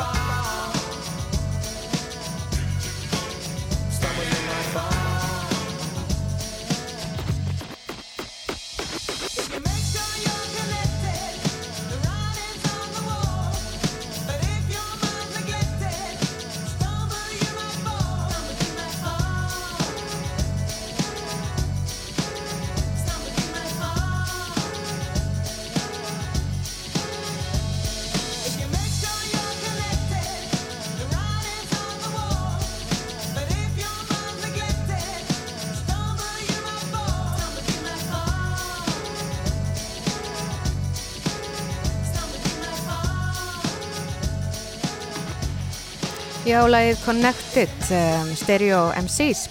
En uh, við erum komið með uh, Jón Jónsson á línuna. Hann er uh, á Söðfjörnsittrinu á Ströndum. Heyrur í mig, Jón? Já, ég heyri vel í þeir bara. Glæsilegt. Góðan daginn. Hvernig, hvernig er veðrið á Ströndum? Það er alveg dásendar veður hérna. Mjög fallegt veður og og búið að vera stilt í morgun og, og mikill fuglasöngur hérna í kring. Já, það er engin svona bleita eins og við svegar um landið. Það Rigning hefur ekki verið hérna í, í morgun. Nei, það hefur verið þurft bara og, og er fínt veður. Já, ég er að skoða hérna Facebook síðu Söðfjör Setursins og, og þarna sé ég margar myndir af, af miklum undirbúningi. Segð mig, hvað er við- þið, hvað er þið að, að brasa við? Já, já, það er mikið í gangi, sko. Við erum að, hérna, við erum að fara að opna á morgun, sumaropnunina, Já, bara frá 1. júni. Og við erum að setja upp nýja síningu, ljósmyndsíningu með myndum úr Árnesreppi já, sem að ljósmyndarinn Yrsa Rokka Fannberg tók. akkurat. Þetta er síning sem heitir Lífið fyrir umbreytinguna og fjallar svona um, er að reyna að fanga gamla tíman í og og fyrir, fyrir sagt meðan bændur er þetta að sinna sínum störfum. Já, og hvernig myndir eru þetta? Myndir svona lýsa þeim? Þetta eru listrænar ljósmyndir, þetta er mjög falleg síning, svona heimilisleg, við setjum hann upp í kaffistofun hjá okkur og, og hún, er, er stilt eiginlega þannig upp að þetta er svona eins og stofuveggur í gammalt í stofu. Svona Já, mismunandi rammar og mismunandi stærðir á myndum og, og svona að reynda að gera þetta alltaf heimilislegt og kósi. Já, Tekst mjög vel. já. En uh, eru þið að setja upp einhverja nýja síningu sem að uh, já, söðfjöð kemur við sögu? Já, það, það, er, á þessari sýningu þá er, er það svona eitt þema það því að sagt, bændunir í Árnarsreppi hafa alltaf verið söðfjárbændur og, og söðfjöð svona er mjög stert í þessum myndum uh, einmitt frá henni. Já. Þetta er aldrei skemmtilegt að þetta skulle hittast á að við opnum á morgun með þessari nýju sýningu. Að því að annarkvöld, sko þá er í sjónvarpinu líka akkurat heimildamind sem hún gerði sem heitir síðasta haustið og, og verður akkurat sínd í sjónvarpinu annarkvöld um uh, líka lífið Árnarseppu og Úlvar bónd á Krossnesi sem var að hætta að búa árið sem hún tók myndina. Já, það er mjög skemmtileg tilvíðin og hún hefur þá fangað svona hvernig það er að, að hætta búskap. Já, þetta er svona, svona uh, já, já, þessi svona síðustu skrefin hjá þeim Úlvar og Otni og Krossnesi.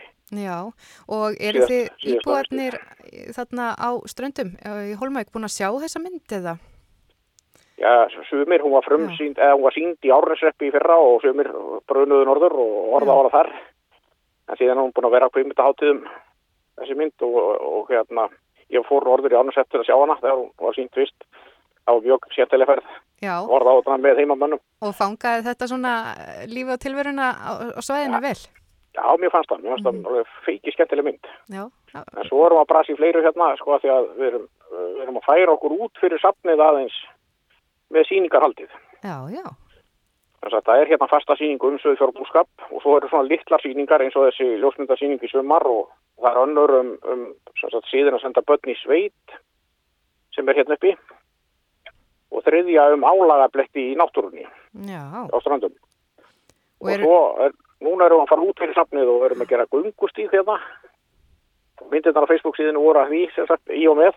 já, Og svo er listamaður hjá okkur Arðgrimur Sigursson sem er, að setja upp skúlptúra við, við stíin, gungustíin. já, já, og ég, sagt, ég er að horfa á myndina af þessum skúlpturum, þetta er, er þetta eitthvað skonar lífrænt, lífrænt efni viður, er þetta reka viður, hva, hvað er hann að vinna með?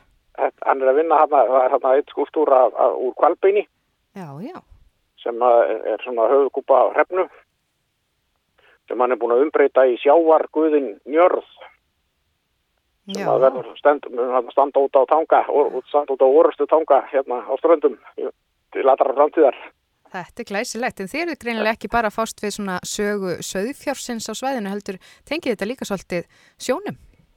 Já, já, við gerum það. Þetta er svona sæfangur og er Mhm. gamla félagsheimil sveitarinnar sem að safnið er í, sveitarsafnið og, og er svona halgjörn menningarmiðstöð. Heimamenn hittast mjög oft hérna og drekka kappi saman og, og halda svona og mæta á viðburði hérna og það er allan á sig svingir raun og veru.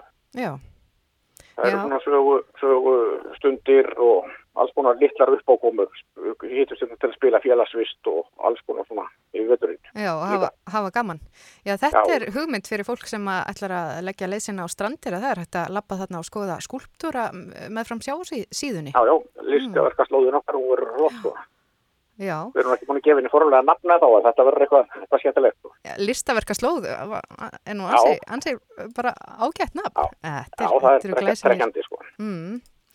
En uh, þið eruð að undirbúa opnunin á morgun, uh, hvað hva, hérna, eru þið með stórt, stóra veistlu eða hvernig ætlið að opna? Nei, við opnum hálfpartin í kyrþegi sko. Já. Þetta er nefnilega, hérna, þetta er svo skrítið tímara, hérna, að við eiginlega bara, að þessi ný síning, þá erum við ekki við viðburði kringu það. Annað en það að við opnum bara klokkan 10 fyrramálið og svo er bara opið áfram allan dag í sumar frá 10 til 6. Einmitt, er ekki skrítið að ætla bara að opna í kýrþeg? Það er nú svolítið Jú, svona það, það er eiginlega bara mjög, mjög óvinnlegt og skrítið.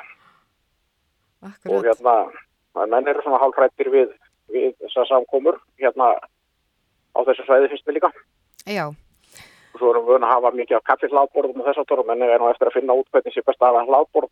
Þannig að sé ekki allir að bólma í sömu, hérna, sömu nývanna til að skera kókunar. já, það eru margir eh, vinklar sem þarf einhvern veginn að finna út úr og, og best bara að gera þetta einmitt, byrja bara í kýrþeg og, og, og, og svona. Já, já, bara þá vinna okkur hægt og síðan upp í Já, sumar, sko. Já, uh, En, þetta er en ég á glæsilegt. nú vona á að komi fullt af fólki í sumar. Ég hef einhvern veginn því að við höfum alltaf fengið mikið af Íslendingum hingað Já, og hérna ég hef trú að það verði alveg áfram. Hvort sem að verði stórviðburður eða ekki. er ekki líka gönguleiðir þarna á þessu svæði? Uh, Jú, þetta er mjög gott útivistarsvæði, sko. Mm. Mjög skemmtilegt útivistarsvæði. er, er eitthvað svona sérstök leið sem er, uh, já, þér finnst svona verðt að tala um, segja Og ef, fólki frá? ef við erum að se- segja annars sko, um, fyrir fjölskyldumortinga við sem erum krakka með sér, þá er mjög gaman að lappa hérna um fjörðunar hérna kringu sæfang Já, en svo líka bara í borgunum fyrir ofan Hólmavík, Þorpið og Hólmavík. Þar eru göngustígar það er svona göngustígar nedeila um borginnar og þar er bara fyrir alla að lappa þar svona léttari gönguleið og skemmtilega upp, upp á, upp á klettaborginnar sem eru fyrir ofan Hólmavík og horfa yfir Þorpið já, já, og þetta maður getur bara, semst, ef maður er að, keira og, og bara stokkið út og fengið sér stuttan göngutúr og haldið svo áfram, þetta getur verið Já, já, svo já, leiðis. já, það er lagt, lagt upp frá sundlauginni og það er að skilla sér sund fyrir eða eftir, eða bæði. Já, Þannig að þetta er allt saman, hérna, þetta er ansi gott. Og þið opnið já, á já. morgun uh, og við ætlum bara ekkert mikið að tala um það, þið ætlum að gera þetta kyrþeg, en það er semst Já, opnið já. alla daga hjá okkur frá 10 já, til já, verður bara sex. frá mor morgundeginum svona á þessum hefðbundna tíma. glæsilegt. Uh, En allir viðbyrðir hjá okkur hafa líkið niður bara síðustu mánuði. já, já, eins og við- við verðum vöna að hafa. Já, en það er gaman, það er, það er aðeins að lifna yfir þessu, allstaðar. Já, já, það er það. Glæsilegt, þakkaði fyrir þetta Jón Jónsson á Söðfjársetrinu á Ströndum og gangi ykkur vel á morgun. Já, takk fyrir, kærlega. Já, takk, takk.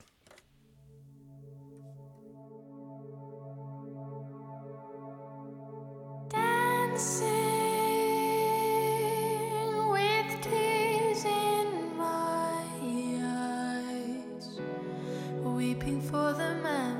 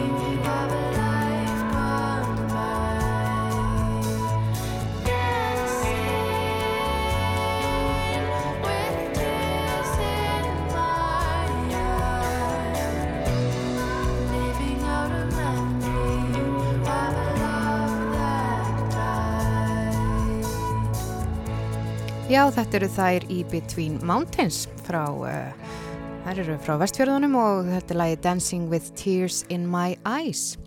En við heyrðum áðan í honum Jóni Jónssoni á Söðfjársetrinni á Ströndum og hann er um þetta að setja upp ljósmyndasýningu með eh, verkum eftir Irsu Rokka Fannberg, myndir úr um, kvikmynd, eða heimildamynd sem hún tók og verður síndum þetta á rúf á morgun. Þetta er íslensk heimildamynd þar sem að, já sem að nefnist síðasta haustið og þetta fjallar um að uh, Úlvar Bóndi Hann er uh, að bregðabúi, hann ætlar að hætta og hann býr á Krossanesi á Ströndum þar sem að fjársbúskapur hefur stundar kynnslóð fram af kynnslóð í hundrað ár og Úlfar er jafnmikill hluti á landslæðinni eins og Krossanesfjallið sjálft og þetta er síðasta haustið sem hann og Otni kona hans mala fjesinu í réttir og þar með endar búskapur í Krossanesi á Ströndum. En eimir eftir gamla Íslandi en síðustu bændunni sem stunda búskaparhætti að gömlum síð munu brátt heyra sögunni til og þetta er sérsett uh, kynning fyrir uh, kynningtekstu um myndina síðasta haustið sem að verður sínd á Rúf og morgun og hann, Jón Jónsson, sem að ég talaði við á hann, myndist á að þetta væri einstaklega falleg mynd og heimamenn eru saman um það.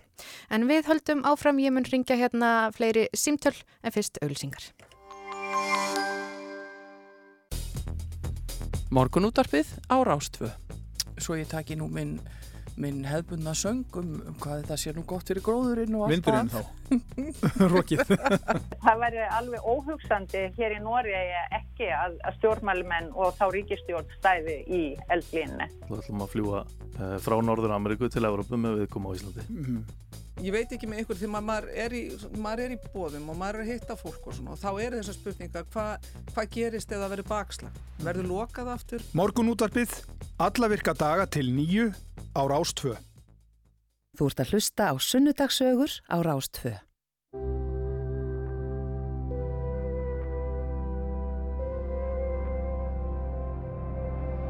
Well, they said you were a bright child, never anything but joy behind your eyes. No sign of all the dark clouds spreading like volcanic dust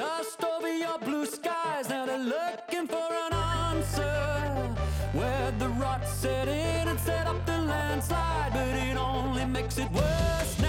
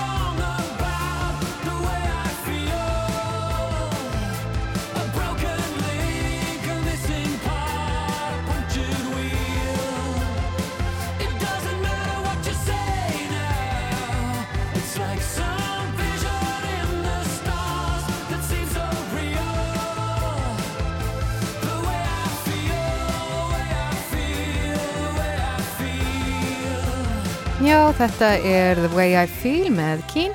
En við erum komin í samband við uh, prestin Magnús Magnússon. Uh, Magnús, heyrur í mér?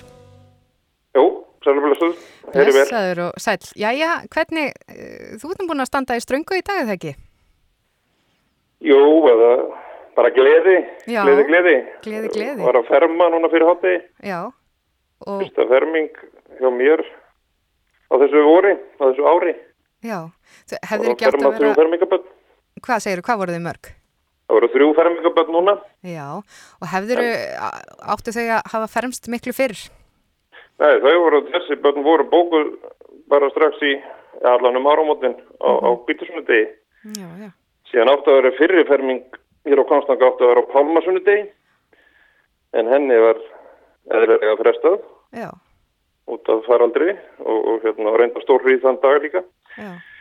En þá bauði ég þeim hóp upp á annars vegar að velja sjómanadagshelgina næstu helgi eða þá í ágúst að áleinu slætti.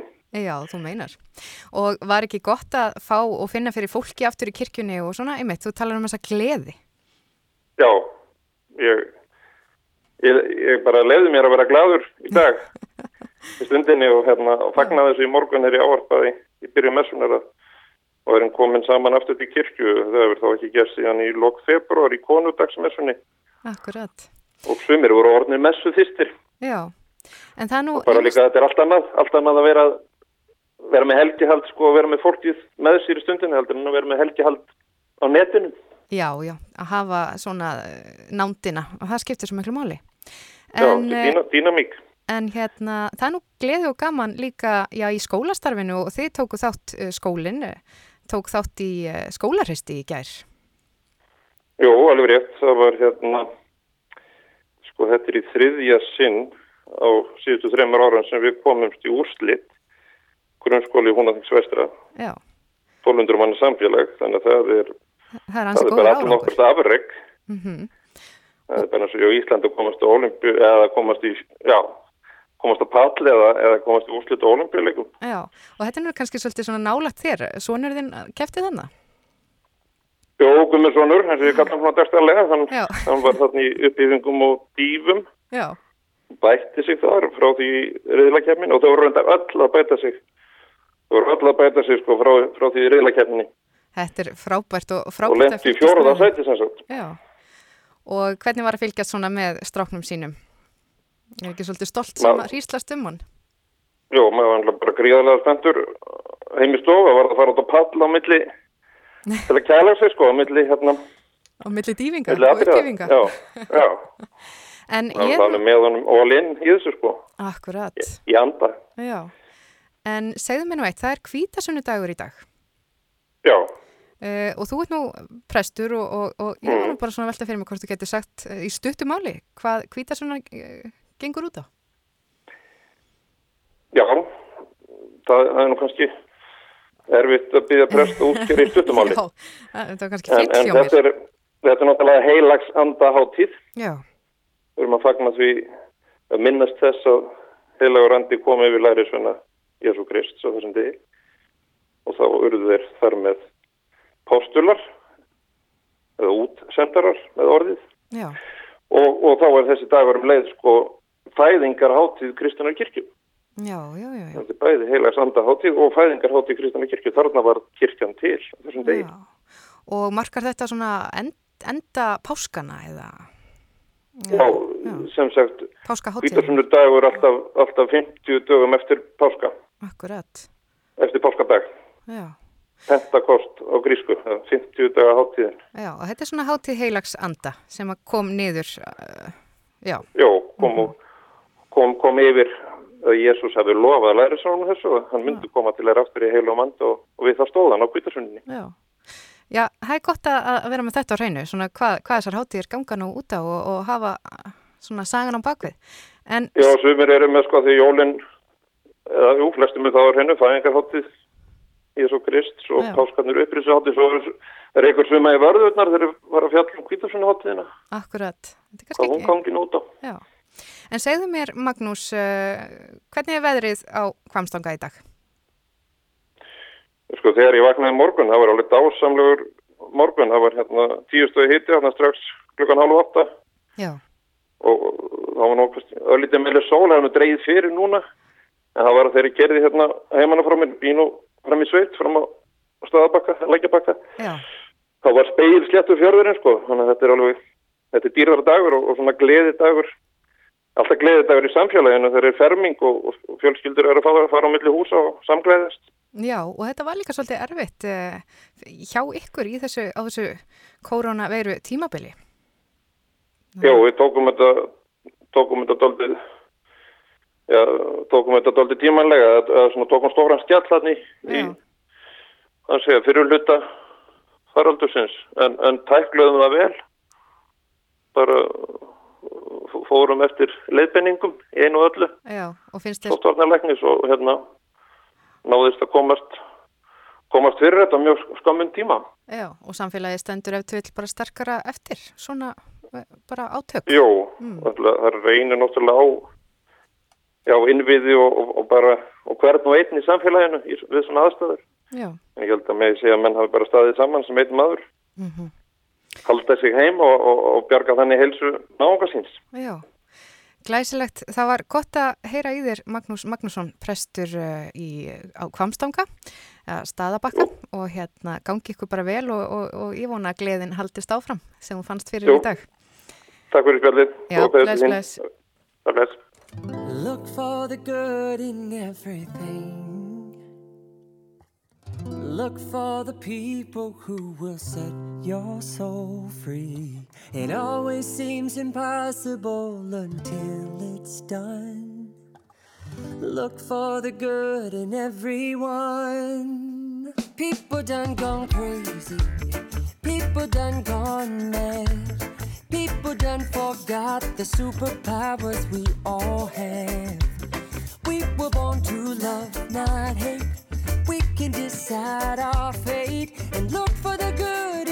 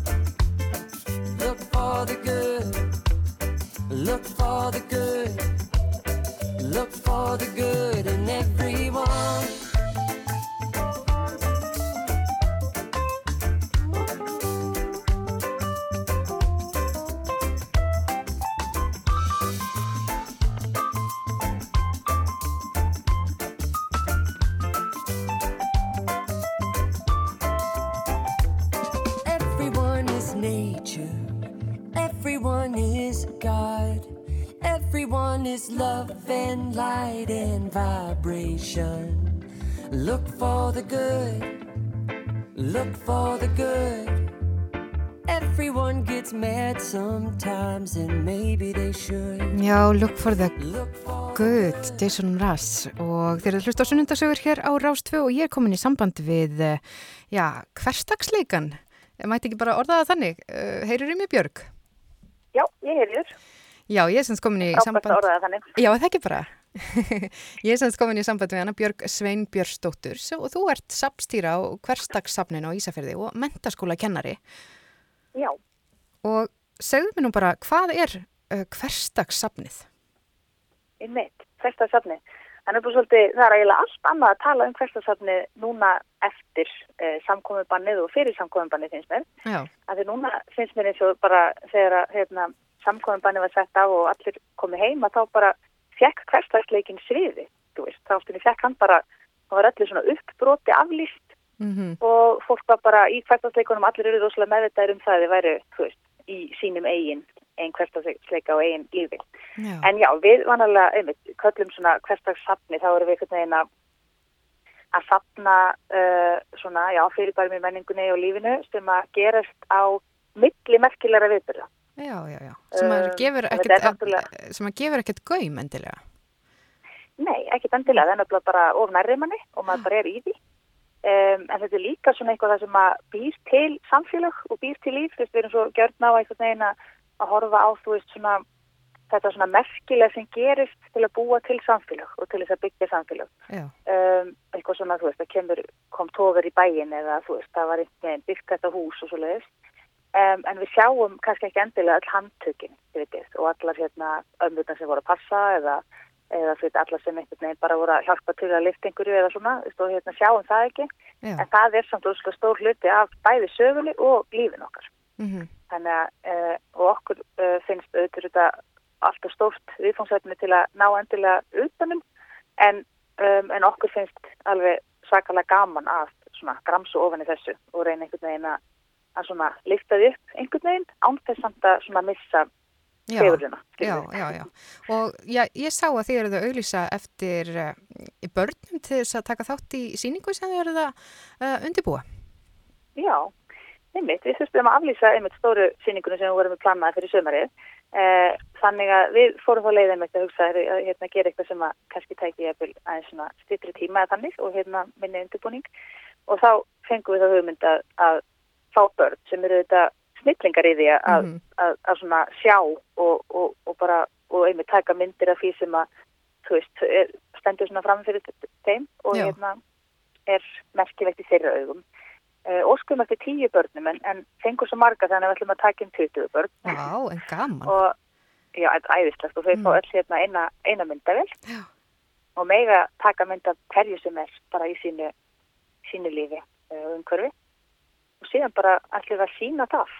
Já, já, er þetta börn á öllum aldri eða uh, hvernig, hvernig raðast þetta? 5 til 7 ára Já. Já.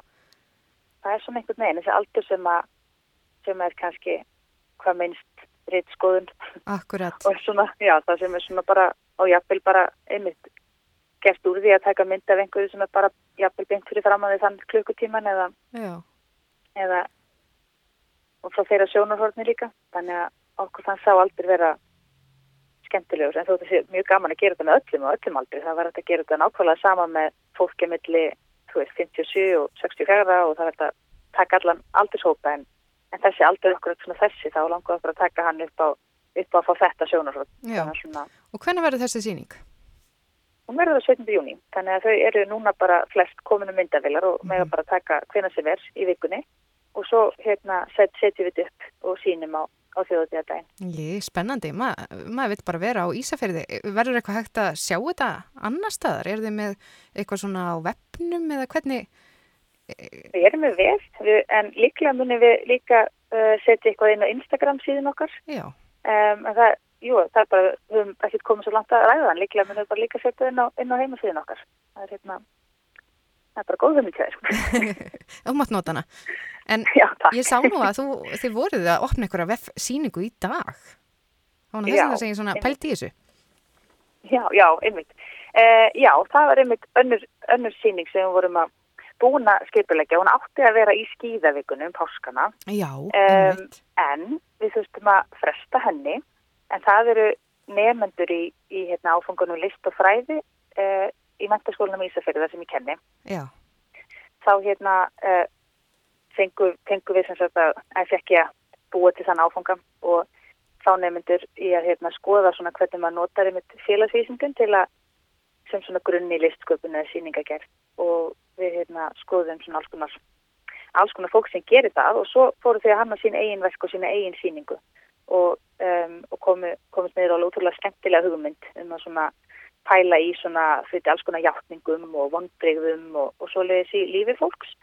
Og þegar að samkominn bara að setja á og við fórum bara að hittast reglulega inn á Microsoft Teams uh, öll í okkar svona kortni að þá lág svona beinast við að, að skoða frekar með samkominnbannið og, og þetta ástand sem skapaðist náttúrulega. Já, Og þennan Og þá- hverstagsleika eins og segir sem að Já, lifnaði svo við einmitt. þannig í, í þessu samkofinbunni.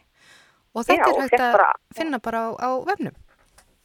Þetta er á vefnum, það var bara opnið dag, þannig að þetta hérna, er inn á uh, vefsíðan er heitir everydaylife.is og það er Já. þetta að fara að tanka og skoða, skoða þýninguna, sem Já. er skemmtileg verk. Akkurat. Já, það er áhugavert og, og, og það er hægt að koma á safni til ykkar ef, ef að maður er þarna á svæðinu og Ísafjörði og, og skoða hverstagsleikan hjá ykkur. Það er þetta að gera það, já. Já, ég bara þakka þið fyrir spjallið uh, Björg Sveinbjörnsdóttir og gangi ykkur vel að fanga hverstagsleikan og, og já, þið vonandi fáið bara mikla aðsóknin á vefsýninguna sem þið voruð að opna í dag. Já. Takk kærlega fyrir að ringja. og bestu kveður til Ísafjörðar. Skila því.